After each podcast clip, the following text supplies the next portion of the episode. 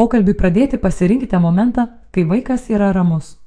Jei prieš tai praktikuosite ypatingą laiką dviese ir pagrindinius ryšio užmesgymo principus, pokalbį pradėti bus lengviau, nes vaikas jausis gerbiamas, išgirstas ir brangus. Jei šiuo metu nepavyksta skirti laiko buvimui dviese, suplanuokite atskirą laiką svarbiam pokalbiui apie patyčių situaciją su vaiku. Įrašykite jį į savo ir vaiko kalendorių. Tai parodysite, jog tam, kas vyksta, teikiate ypatingą reikšmę. Suteikite vaikui laiko išsipasakoti ir išklausykite viską, ką jis gali ir nori apie tai pasakyti. Nepertraukinėkite vaiko, jei jis apsistoja ties detalėmis, kurios jums atrodo nesvarbios. Tai svarbu tam, kad vaikas turėtų galimybę suvokti, kas įvyko. Skatinkite, bet neverskite vaiko kalbėti. Jei vaikas atsisako kalbėti, pabrėžkite, kad būsite prieinami ir pasirengę su juo pasikalbėti kitų metų, ilgai neatidėliokite. Mažai tikėtina, kad situacija išsispręs savaime. Kartais vaikai nenori tėvams ar globėjams atskleisti savo išgyvenimų, nes nenori jų įskaudinti ar nuvilti. Tokiu atveju kartu apsvarstykite, Ar jis galėtų pasikalbėti su kitu suaugusiuoju, tai gali būti giminaitis arba specialistas, pavyzdžiui, mokyklos psichologas.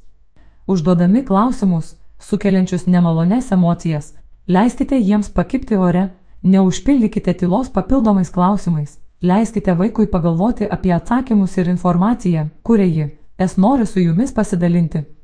Kartu užtikrinkite jį, kad esate šalia, domitės ir būsite šalia, kai jis bus pasirengęs apie tai kalbėti. Prasidėjus pokalbiui neskubėkite iš karto duoti patarimų ar sprendimo variantų.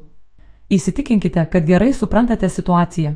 Paklauskite, ar teisingai supratau, ką man pasakėjai.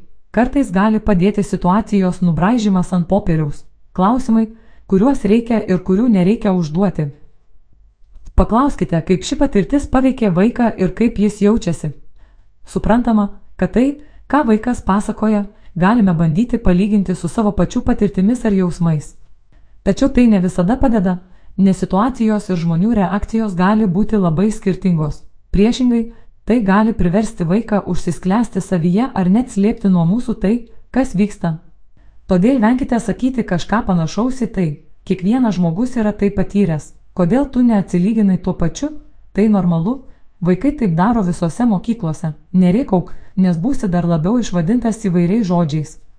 Kodėl nieko nepasakėjai anksčiau? Susivaldyk ir susitaikyk, nieko nepadarysi, toks gyvenimas. Parodykite supratimą ir palaikymą. Tai padės sumažinti riziką ir gerokai palengvins vaiko sunkumus. Tai galite padaryti naudodami šias ar panašias frazes.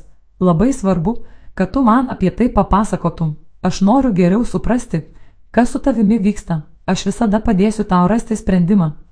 Tu elgiesi teisingai, dalindamasi su manimi savo patirtimi. Tu esi man labai svarbus ir man labai rūpi, kas su tavimi vyksta. Atminkite, tai, ką sako vaikas, gali emociškai paveikti ir jūs. Labai svarbu, kad kalbėdamiesi su vaiku išliktumėte ramus. Jei tai, kas nutiko, jūs labai sukrėtė, apsvarstykite galimybę apie tai pasikalbėti su kitu suaugusioju arba specialistu.